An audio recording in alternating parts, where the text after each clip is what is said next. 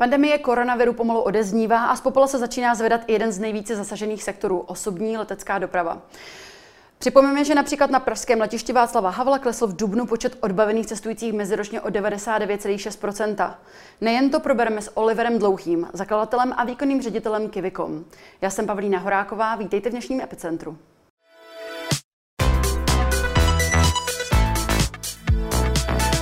Pane Dlouhý, vítejte ve studiu, dobrý den. Dobrý den, díky za pozvání.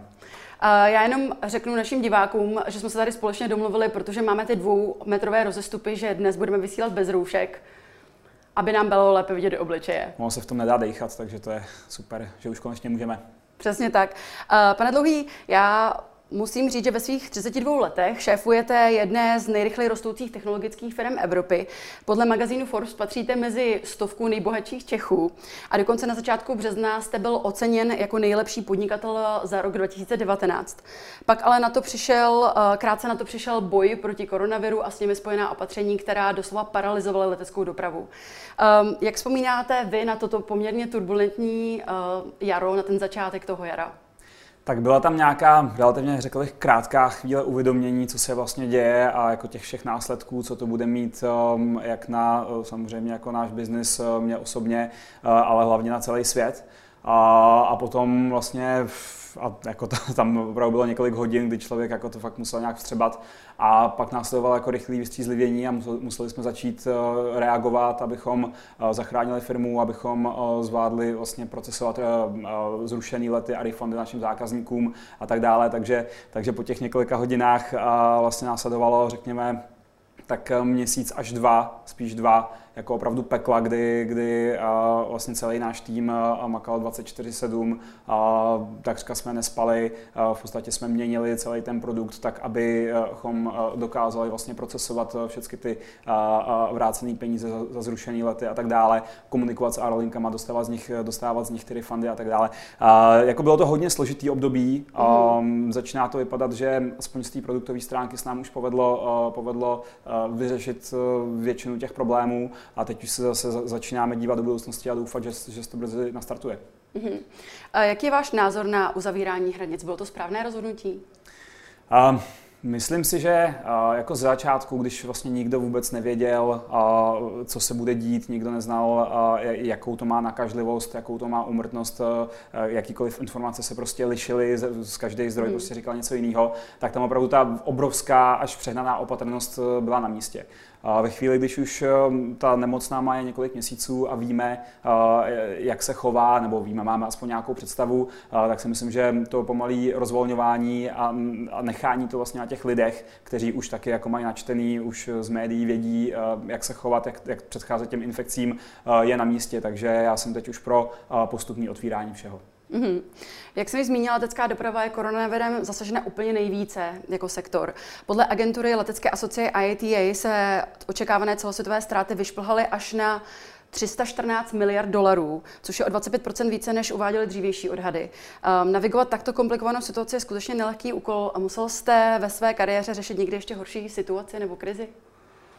Uh, tak samozřejmě horší krizi, nemyslím si, že jenom v leteckém sektoru, ale v podstatě na celém světě většina z nás uh, nezažila. Já si myslím, že tohle to jako tou, tím, tím, těma následkama a tím, co se prostě děje, je srovnatelný s nějakou, s nějakou spíše válkou. Mm. Takže, takže opravdu tohle je jako strašlivá událost. Na druhou stranu od té války je rozdíl ten, že válka většinou poničí infrastrukturu, zničí se budovy, továrny, prostě celý svět se rozbije. Naštěstí tady se to jenom zastaví, takže já doufám, že ten, ta, to, to, ten růst nebo ten, to, to obnovení vlastně toho bude mnohem rychlejší. Mm-hmm. Vy jste do, to, do tohoto období vstupoval poměrně optimisticky, soudě tedy podle vašich rozhovorů, které jsem viděla a četla. Um, jak se vyplňují ty možné scénáře, které jste měl? Došlo třeba i na ten nejčernější? Um, tak já jsem jakoby povahou optimista a, a to mě asi jako drží, drží při životě i v těch těžkých, uh, těžkých chvílích. A vlastně ty scénáře, se kterými jsme šli na začátku do toho, který jsme namodelovali, byly nějaký základní, pak byl nějaký pozitivní a pak byl nějaký negativní. A tak vlastně aktuálně uh, ten nejnegativnější, který jsme měli, je furt uh, uh, lepší než náš aktuální pozitivní. jestli, jestli je to pochopitelné, jak to říkám, prostě je to mnohem horší, uh, než jsme si vůbec dokázali na, na začátku představit. Um, um, teď my doufáme, že vlastně ten, to obnovení té letecké dopravy uh, na, na vlastně předkoronový, předkoronový uh, uh, úrovně se stane někdy koncem příštího roku. Březnu jste přirovnal dopady na leteckou dopravu k požáru v lese, kdy ty nejlepší stromy někdo vytáhne z kořeny, převeze a zasadí na svém pozemku. Tedy, že mnozí přepravci zkrachují, jejich letadla však vykoupí někdo jiný a celý průmysl, včetně vašeho portálu, bude fungovat dál bez problémů v rámci možností. Jak se tato metafora téměř měsíc a půl podle vás vyplňuje? Já si myslím, že stále platí.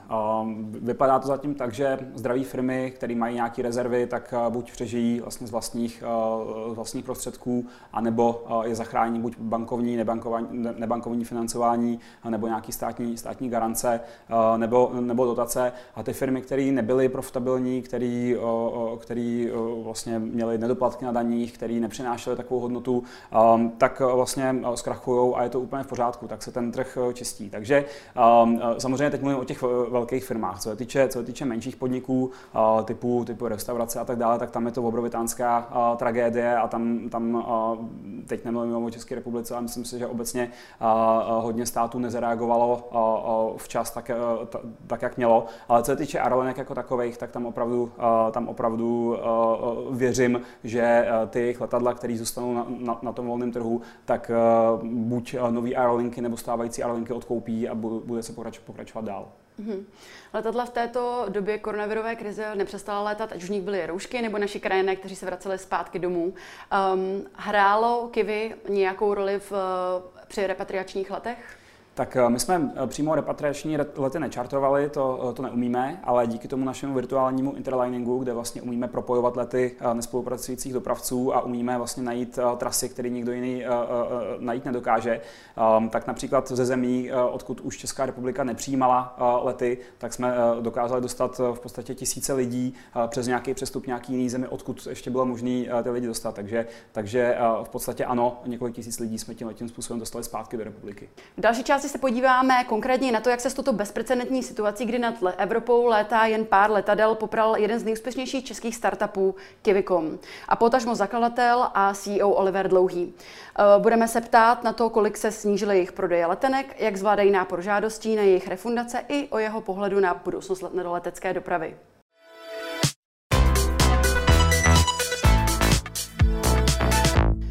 Pane Dlouhý, eh, v loňském roce jste prodávali letenky s ročním obratem, který se zastavil kousek pod 35 miliardami korun. Váš portál obsluhoval až 100 milionů dotazů ročně. Jaká je situace teď?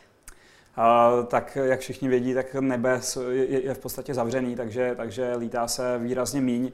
My máme jako tu výhodu, to štěstí, neštěstí, že vlastně fungujeme globálně, takže stále jsou regiony, kde se lítá, ale padli jsme vlastně v tom, v tom největším, v tom největším píku té krize jsme padli o 95%. Posledních pár týdnů vidíme trošku zlepšení, ale furt jsme okolo 90-88% pod naším plánem. Mm-hmm. Pro Kivicom před krizí pracovalo zhruba tři tisícovky lidí v 18 pobočkách po celém světě.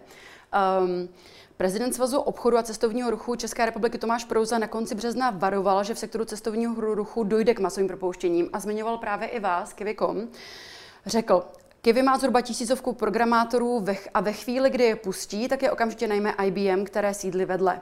Vláda tím, co udělá, tyto české firmy odepíše a nejšikovnější zaměstnance přihodí nad národním korporacím, protože ty mají zdroje na to, aby je dokázali živit. Jak to u vás bylo s propouštěním a vůbec jinými personálními opatřeními? Museli jste k tomu přistoupit?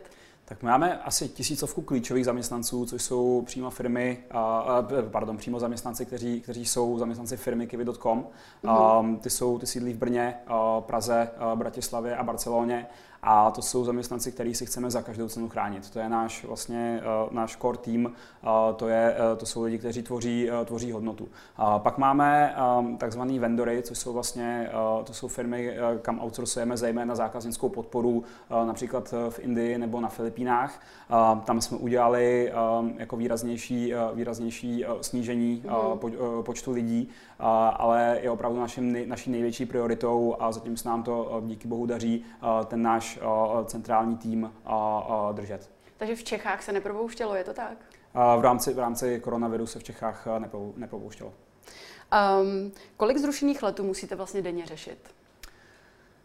Jsou to jako, samozřejmě o to skáče nahoru dolů, nejvíce to byly i stovky tisíc letů, když hmm. vlastně Ryanair v jeden večer vlastně oznámil zrušení více jak 100 tisíc letů, tak to bylo vlastně největší, co, jsme, co, jsme, co jsme rušili a doufám, co kdy budeme rušit za život firmy. A jak dlouho u vás pro mě očekává váš zákazník na navrácení peněz? Byli jste kritizováni za trošičku pomalejší reakce a u těch vyplácení těch náhrad už jste tento problém odstranili. Jak to funguje? Um, vlastně co se týče naší reakce, uh, kdy my vlastně, kde ten zákazník uh, požádá o tu náhradu za ten zrušený let uh, a my vlastně požádáme, požádáme tu Aralinku o vrácení peněz, tak tam uh, jsme to zrychlili, už mm. tam už je to relativně minimum. A na co se čeká díl a uh, bohužel my nemáme úplně jako možnost, jak to, jak to, jak to zkrátit, je, kdy ta Aralinka ty peníze uh, pustí a my je budeme moct vrátit zákazníkovi. Například uh, Ryanair, který, mm. už jsem, který, už jsem, který už jsem jmenoval, tak oznámili, že nebudou vracet finanční kompenzace nebo, nebo nebudou kompenzovat finančně až do konce krize, mm-hmm. což je naprosto vádní, vádní označení. Co to znamená, až bude poslední vyléčený nebo až se otevřou, otevřou hranice a jaký hranice a tak dále. Takže když už je největší evropská aerolinka tohoto oznámí, tak je opravdu hodně složitý s tím, s tím jakým způsobem pracovat. Takže já samozřejmě chápu rozhořčení těch zákazníků, mm. kteří zaplatili za něco, to něco nedostali a teď jim, teď jim ty Eh, aerolinky dluží ty peníze. Um, Kivicom se snaží z pozice vlastně velkého prodejce a našich, našich objemů u těch aerolinek apelovat. Řešíme nějaký možný soudní, soudní možnosti, jak, jak se dostat a právní kroky, ale zatím většina zákazníků, zákazníků bohužel musí čekat. Víte, jaké procento těch vyřešených letů teď momentálně u vás? Bohužel jsou to jednotky procent těch, který, který opravdu ty aerolinky vrátili peníze a my jsme je mohli poslat hmm. zákazníkovi. Jaká opatření plánujete do budoucna, abyste eliminovali případně nějakou další um, vlnu koronaviru nebo i nějaké další jiné krize? Byla předtím Ebola, není to poprvé, co... Tohle je samozřejmě největší uh, krize, kterou kdy jste museli řešit, ale um, poučili jste se z něčeho? Jsou nějaká opatření, které budete do budoucnu aplikovat? My se snažíme co nejvíc automatizovat. Vlastně pro nás tohle to bylo takový prozření, že opravdu těch strašně moc lidí, kteří řeší hodně věcí manuálně, například předávání zavazadel, změny letů nebo, nebo třeba ty refundace, to funguje ve chvíli, když ta, když ta poptávka vlastně kolísá plus minus prostě pár procent, tak jak to bylo před koronou, ale ve chvíli, když například ta poptávka po refundech se zvýší z desítek desítek denně na desítky tisíc nebo stovky tisíc denně, tak manuálně se to nedá, nedá hmm. prostě nafouknout ten tým. Takže my teď investujeme strašně moc, jak jsem říkal, do automatizace těchto těch procesů, aby, eh, aby to vlastně celý dělal, dělal počítač a tomu už je pak jedno, jestli to děl, řeší pro desítky nebo tisíce klientů. A hmm. takže věříme, že, eh, že eh, pokud někdy, nedej bože, přijde další podobná krize, tak už budeme líp připraveni a jak jsem říkal na začátku, neprožijeme těch několik měsíců pekla, kterými jsme si prošli, abychom, abychom vlastně s tou, s tou koronou koronavirovou krizi nějakým způsobem eh, bojovali. Co říkáte na návrh Evropské komise, aby letecké společnosti poskytovaly svým klientům za zrušené lety minimálně rok platné vouchery uh, za stejný podmínek, za které je koupili a aby, ze, aby se jednotlivé státy za tyto poukazy uh, zaručily a motivovaly tím cestující k jejich využívání? Já nejsem tohohle moc velkým fanouškem, mm-hmm. protože uh, velká část těch zákazníků tam měla kvůli nějaký události. Řekněme, uh, měli letět v březnu na svatbu, která se odehrála, teď už ten zákazník letět tam nechce nebo nepotřebuje. Takže z mýho pohledu, ano, pokud ten zákazník ten voucher akceptuje, například pod incentivou nějakého desetiprocentního nebo uh, nějakého zvýšení té hodnoty, um, tak je to v pořádku. Ale nutit ty zákazníky si ty vouchery vzít a zadržovat jim ty peníze, tak to mi přijde absolutně nefér. Mm-hmm. U té pomoci státu ještě chviličku tady bych zůstala. Um, kauza ČSA, nebo není to kauza, ale je to téma, které právě teď probíhá médii. Uh, ČSA patří pod soukromého dopravce, uh, přesto se nyní hovoří o pomoci státu, jedné nebo rovnou oběma uh, aerolinkám Smartwings nebo tedy ČSA. Itálie, Francie, Německo a Nizozemí pomoc již schválili, Rakousko ji zatím zvažuje. Jaký je váš pohled na tuto situaci? Měl by stát zasáhnout a jaká pomoc by byla nejefektivnější? To je strašně komplexní téma, tak hmm. já to hmm. zkusím nějak zjednodušit, eh, jako říct, co si myslím. A za mě obecně, ať je to Aerolinka nebo jakákoliv jiná firma, jak jsem říkal, pokud je firma zdravá, eh, zaměstnává eh, lidi, produkuje hodnotu, platí daně a pak přijde nějaký zásah vyšší moci, který ta firma nemohla ovlivnit, tak je podle mě zcela v pořádku, aby stát té firmě pomohl. Um, já nejvíce mi líbí nebo nejvíc preferuju pomoc ve formě uh, garancí, státních garancí za komerční půjčky, kde vlastně to, pokud ta firma jako bude zdravá a obnoví se, tak bude ty půjčky v pohodě ztrácet a splácet a stát to nic nestojí, naopak, naopak vydělá nějaký peníze na, na úrocích. Um, takže tohle je za mě úplně v pořádku. Neznám účetnictví Smartwings, jestli mm-hmm. jsou mhm. takovou firmou nebo ne, takže nebudu komentovat na ten konkrétní pří, pří, příklad. Potom, co se týče Aerolinky jako takový, um, tak vím, že tady bylo zmíněno, že uh, Smartwings může být považováno za strategický podnik. Opět, nebudu teď komentovat přímo Smartwings, ale řeknu, jak já jako vnímám, co je strategický podnik. Strategický podnik, zejména v, dobra, v dopravě, je takový, který provozuje uh, nějakou důležitou strategickou infrastrukturu za nějakých podmínek, uh, který uh, by komerčně, komerčně nedokázal žádný dopravce nebo žádný jiný provozovatel zajistit. Ty podmínky jsou výhodný pro stát, výhodný pro jeho, pro jeho občany a, a soukromně nebo komerčně by to nešlo. Pokud je tohle ten případ, tak mě jakoby by dávalo smysl, dávalo smysl podívat se na to a tu, tu diskuzi o nějakým nějaký investice nebo nějaký pomoci mm. takovéhle, firmě, takovéhle firmě otevřít. Nicméně, stále může být levnější pro ten stát nabídnout nějakou incentivu komerčním dopravcům, například dotovat částečně nebo i úplně to, to jízdný nebo ty letenky, aby, aby tyhle ty linky strategicky provozovaly. Takže říkám, je, tam, je to hodně komplexní téma, je tam hodně otázek, nedokážu přesně soudit tu konkrétní situaci, jenom říkám obecně můj pohled. A váš osobní pohled na to právě um, problematiku toho zda Smartwings je považováno za strategickou společnost, zaměstnává, pracuje pro ní zhruba 2000 lidí, ale podle ombudsmana Smartwings uh, Vojtěcha Lažanského je v ohrožení až 60 000 pracovních míst v navazujících oborech. Přirovnává to uh, ke Škodovce Mladoboleslavské, což je to téměř dvojnásobek počtu jejich zaměstnanců. A uh, říká, že by docházelo i k zániku leteckých studijních oborů v Česku. Co si o tom myslíte vy? Um, opravdu bych potřeboval vědět ty studie, na čem mm-hmm. jsou založeny. Samozřejmě pokud je pravda, že uh, kvůli uh, krachu Smartwings by přišlo uh, 60 tisíc lidí o práci, tak um, je to jako jeden z důvodů, proč otevřít tu diskuzi uh, o nějaký pomoci. Otázkou je, na čem jsou tyhle ty průzkumy nebo tyhle ty analýzy uh, postavený. Uh, otázkou je, jestli například ty linky, které teď uh, operuje Smartwings, by nebyly velmi rychle nahrazeny nějakou uh, jinou komerční firmou. Takže uh, neříkám ani ano, ani ne, mm-hmm. ale je tam opravdu, je to hodně komplexní téma, který, eh, opravdu, eh, který by vyžadovalo mnohem hlubší zkoumání. S tím, jak se rozvolňuje půlka světa, eh, protože nám končí jakoby takzvaná kapenková sezóna, tak se ale bohužel na jižní polokouli přichází zima a tam se ta kapenková sezóna právě znovu otevírá. Ehm, je to téma, které, které řešíte? Myslíte si, že budoucnost je, že budeme vždycky letat jenom do půlky světa? Děsí vás to trošičku? Uh, až takhle to uh, neřešíme. Já, jak jsem říkal uh, v úvodu, já jsem optimista, takže jednak si myslím, že opravdu ty, ty lidi, všichni, včetně mě, nás, vás, jako zdávají mnohem větší pozor. Takže opravdu to šíření jakýkoliv infekce uh, díky této obrovské zkoušce koronavirový uh, bude pomalejší. Mm-hmm. Byly přijaté opatření uh, na letištích, ve veřejných prostorech, měří se teploty v každé větší firmě při vstupu a tak dále. Takže z mého pohledu, kdyby všechny tyhle ty opatření tady byly někdy v lednu nebo, nebo v prosinci, když vlastně tahle ta krize vypukla, tak možná se to vůbec nešířilo tak rych, uh, rychle a možná dneska už by uh, uh, bylo po koronavirové krizi. Takže já jsem v tom optimistický.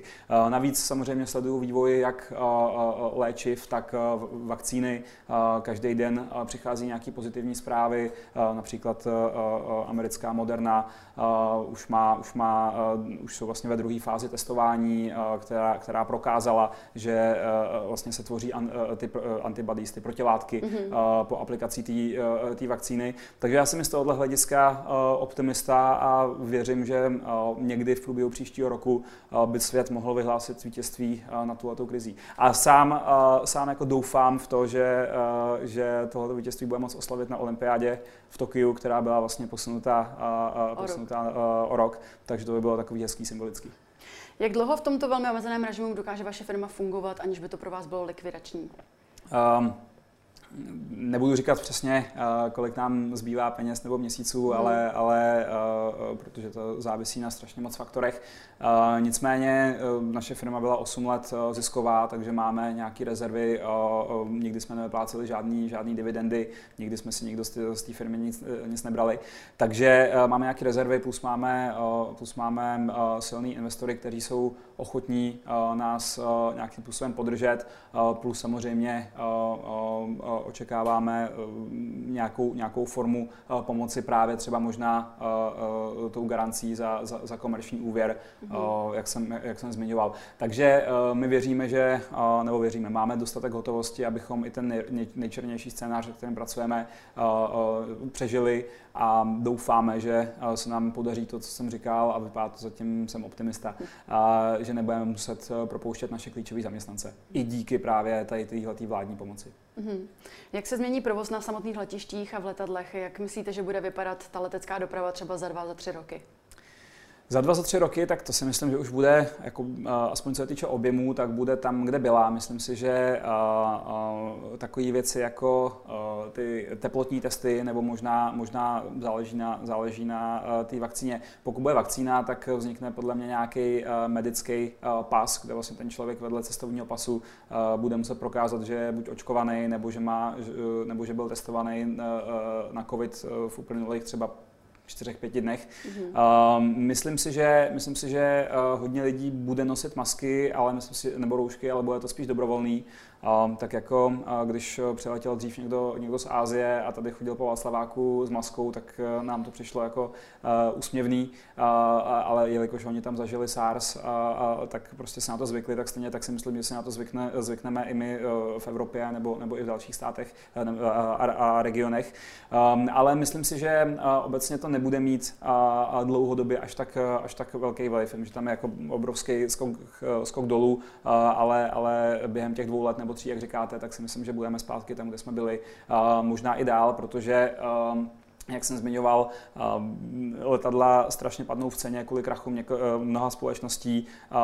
Zřejmě se sníží i, i, i platy, bohužel posádek a, mhm. a, a pilotů, ale provozovat aerolinku nikdy nebude levnější, tak jako po koronaviru. A mm. to se samozřejmě promítne, promítne i v nákladech, takže i v tomto jsem optimista. Co se týká těch opatření hygienických, například právě co se týká týmu těch letadel, myslíte si, že ty roušky nám zůstanou i do budoucna? Um, jak říkám, myslím si, že uh, nebudou nutný do budoucna, nebo že nebudou povinný, uh, mm. ale myslím si, že velká část lidí uh, je prostě bude uh, nosit, protože prostě se na to zvykli a vnímají to jako způsob, jak relativně jednoduše se chránit a chránit okolí. Jak je váš pohled na chystané rozšíření letiště Václava Havla za těch 55 miliard korun v současné optice?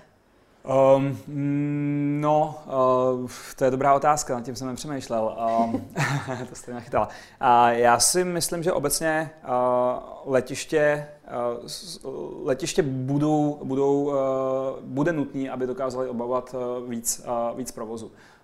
Myslím si, že aktuálně tahle takováhle investice, pokud je možné ji odložit, a opravdu vůbec nevím, jak to, jak to, jak to je teď nastavení, nebo jestli, hmm. už, jestli už jsou podepsané smlouvy a tak dále.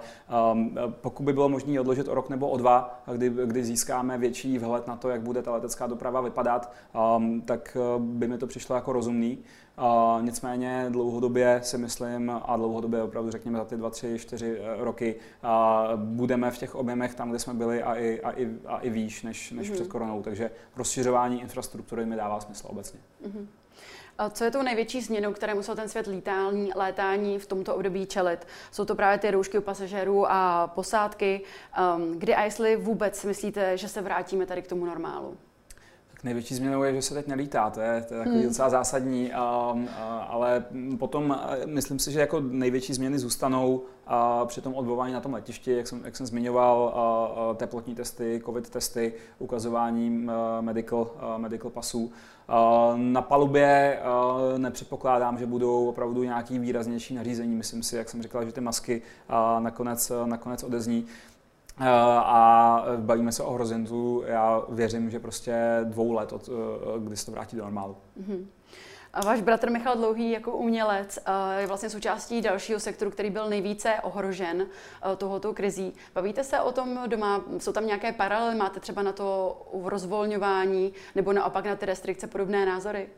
Tak my se s bráchou vydáme, eh, já nevím, párkrát za rok, eh, máme oba dva poměrně málo času, oba jsme docela vytížený, takže když už se vidíme, tak eh, koronavirová krize je asi to poslední téma, co bychom chtěli řešit. Bavíme se o tom, o rodině a o, o, o nějakých plánech a tak dále.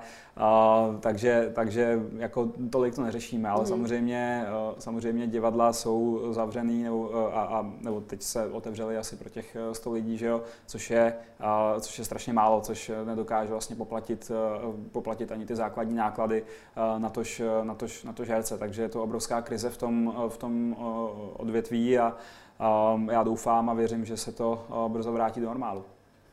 Co pro vás bylo v této krizi nejtěžší a poučil jste se z něčeho? Co, myslíte si, že z této krize vycházíme lepšími? Um, tak za mě jako platí starý známý, co nás nezabije, to nás posílí uh, a takhle vnímám i tuhletu, uh, i tuhletu krizi. Um, samozřejmě je to obrovská rána, uh, jsou, to, uh, jsou to obrovský uh, osobní tragédie, uh, mm. jsou to, vůbec teď neřeším uh, nějaký peníze nebo, nebo, nebo finance nebo, nebo, nebo biznesy, uh, ale, ale je to něco, co nikdo nečekal a, a myslím si, že každý z nás to vedlo k nějakému zamyšlení, a co dělat líp, jak ve svém životě, tak ve své práci a tak dále. A myslím si, že my, jak je není, není v tom výjimkou, takže já věřím pevně, že jakoby ten tým náš to smelí, to, to všechny, to peklo, kterým jsme si, kterým jsme si prošli a ty rozhodnutí, které jsme udělali pod tlakem, a věřím, že budou, že budou dobrý a že i v době po koroně nás, nás ocelí a bude to, bude to prostě lepší firma než před koronou. Já vám děkuji, že jste přijal pozvání k nám do studia a děkuji vám za vaše názory. Moc krát děkuji. Tolik zakladatel a výkonný ředitel Kivikom Oliver Dlouhý. A to už je z dnešního dílu vše. Záznam dnešního epicentna najdete společně i s ostatními na blesk.cz. A my už se na vás těšíme zítra v 15 hodin. Na viděnou.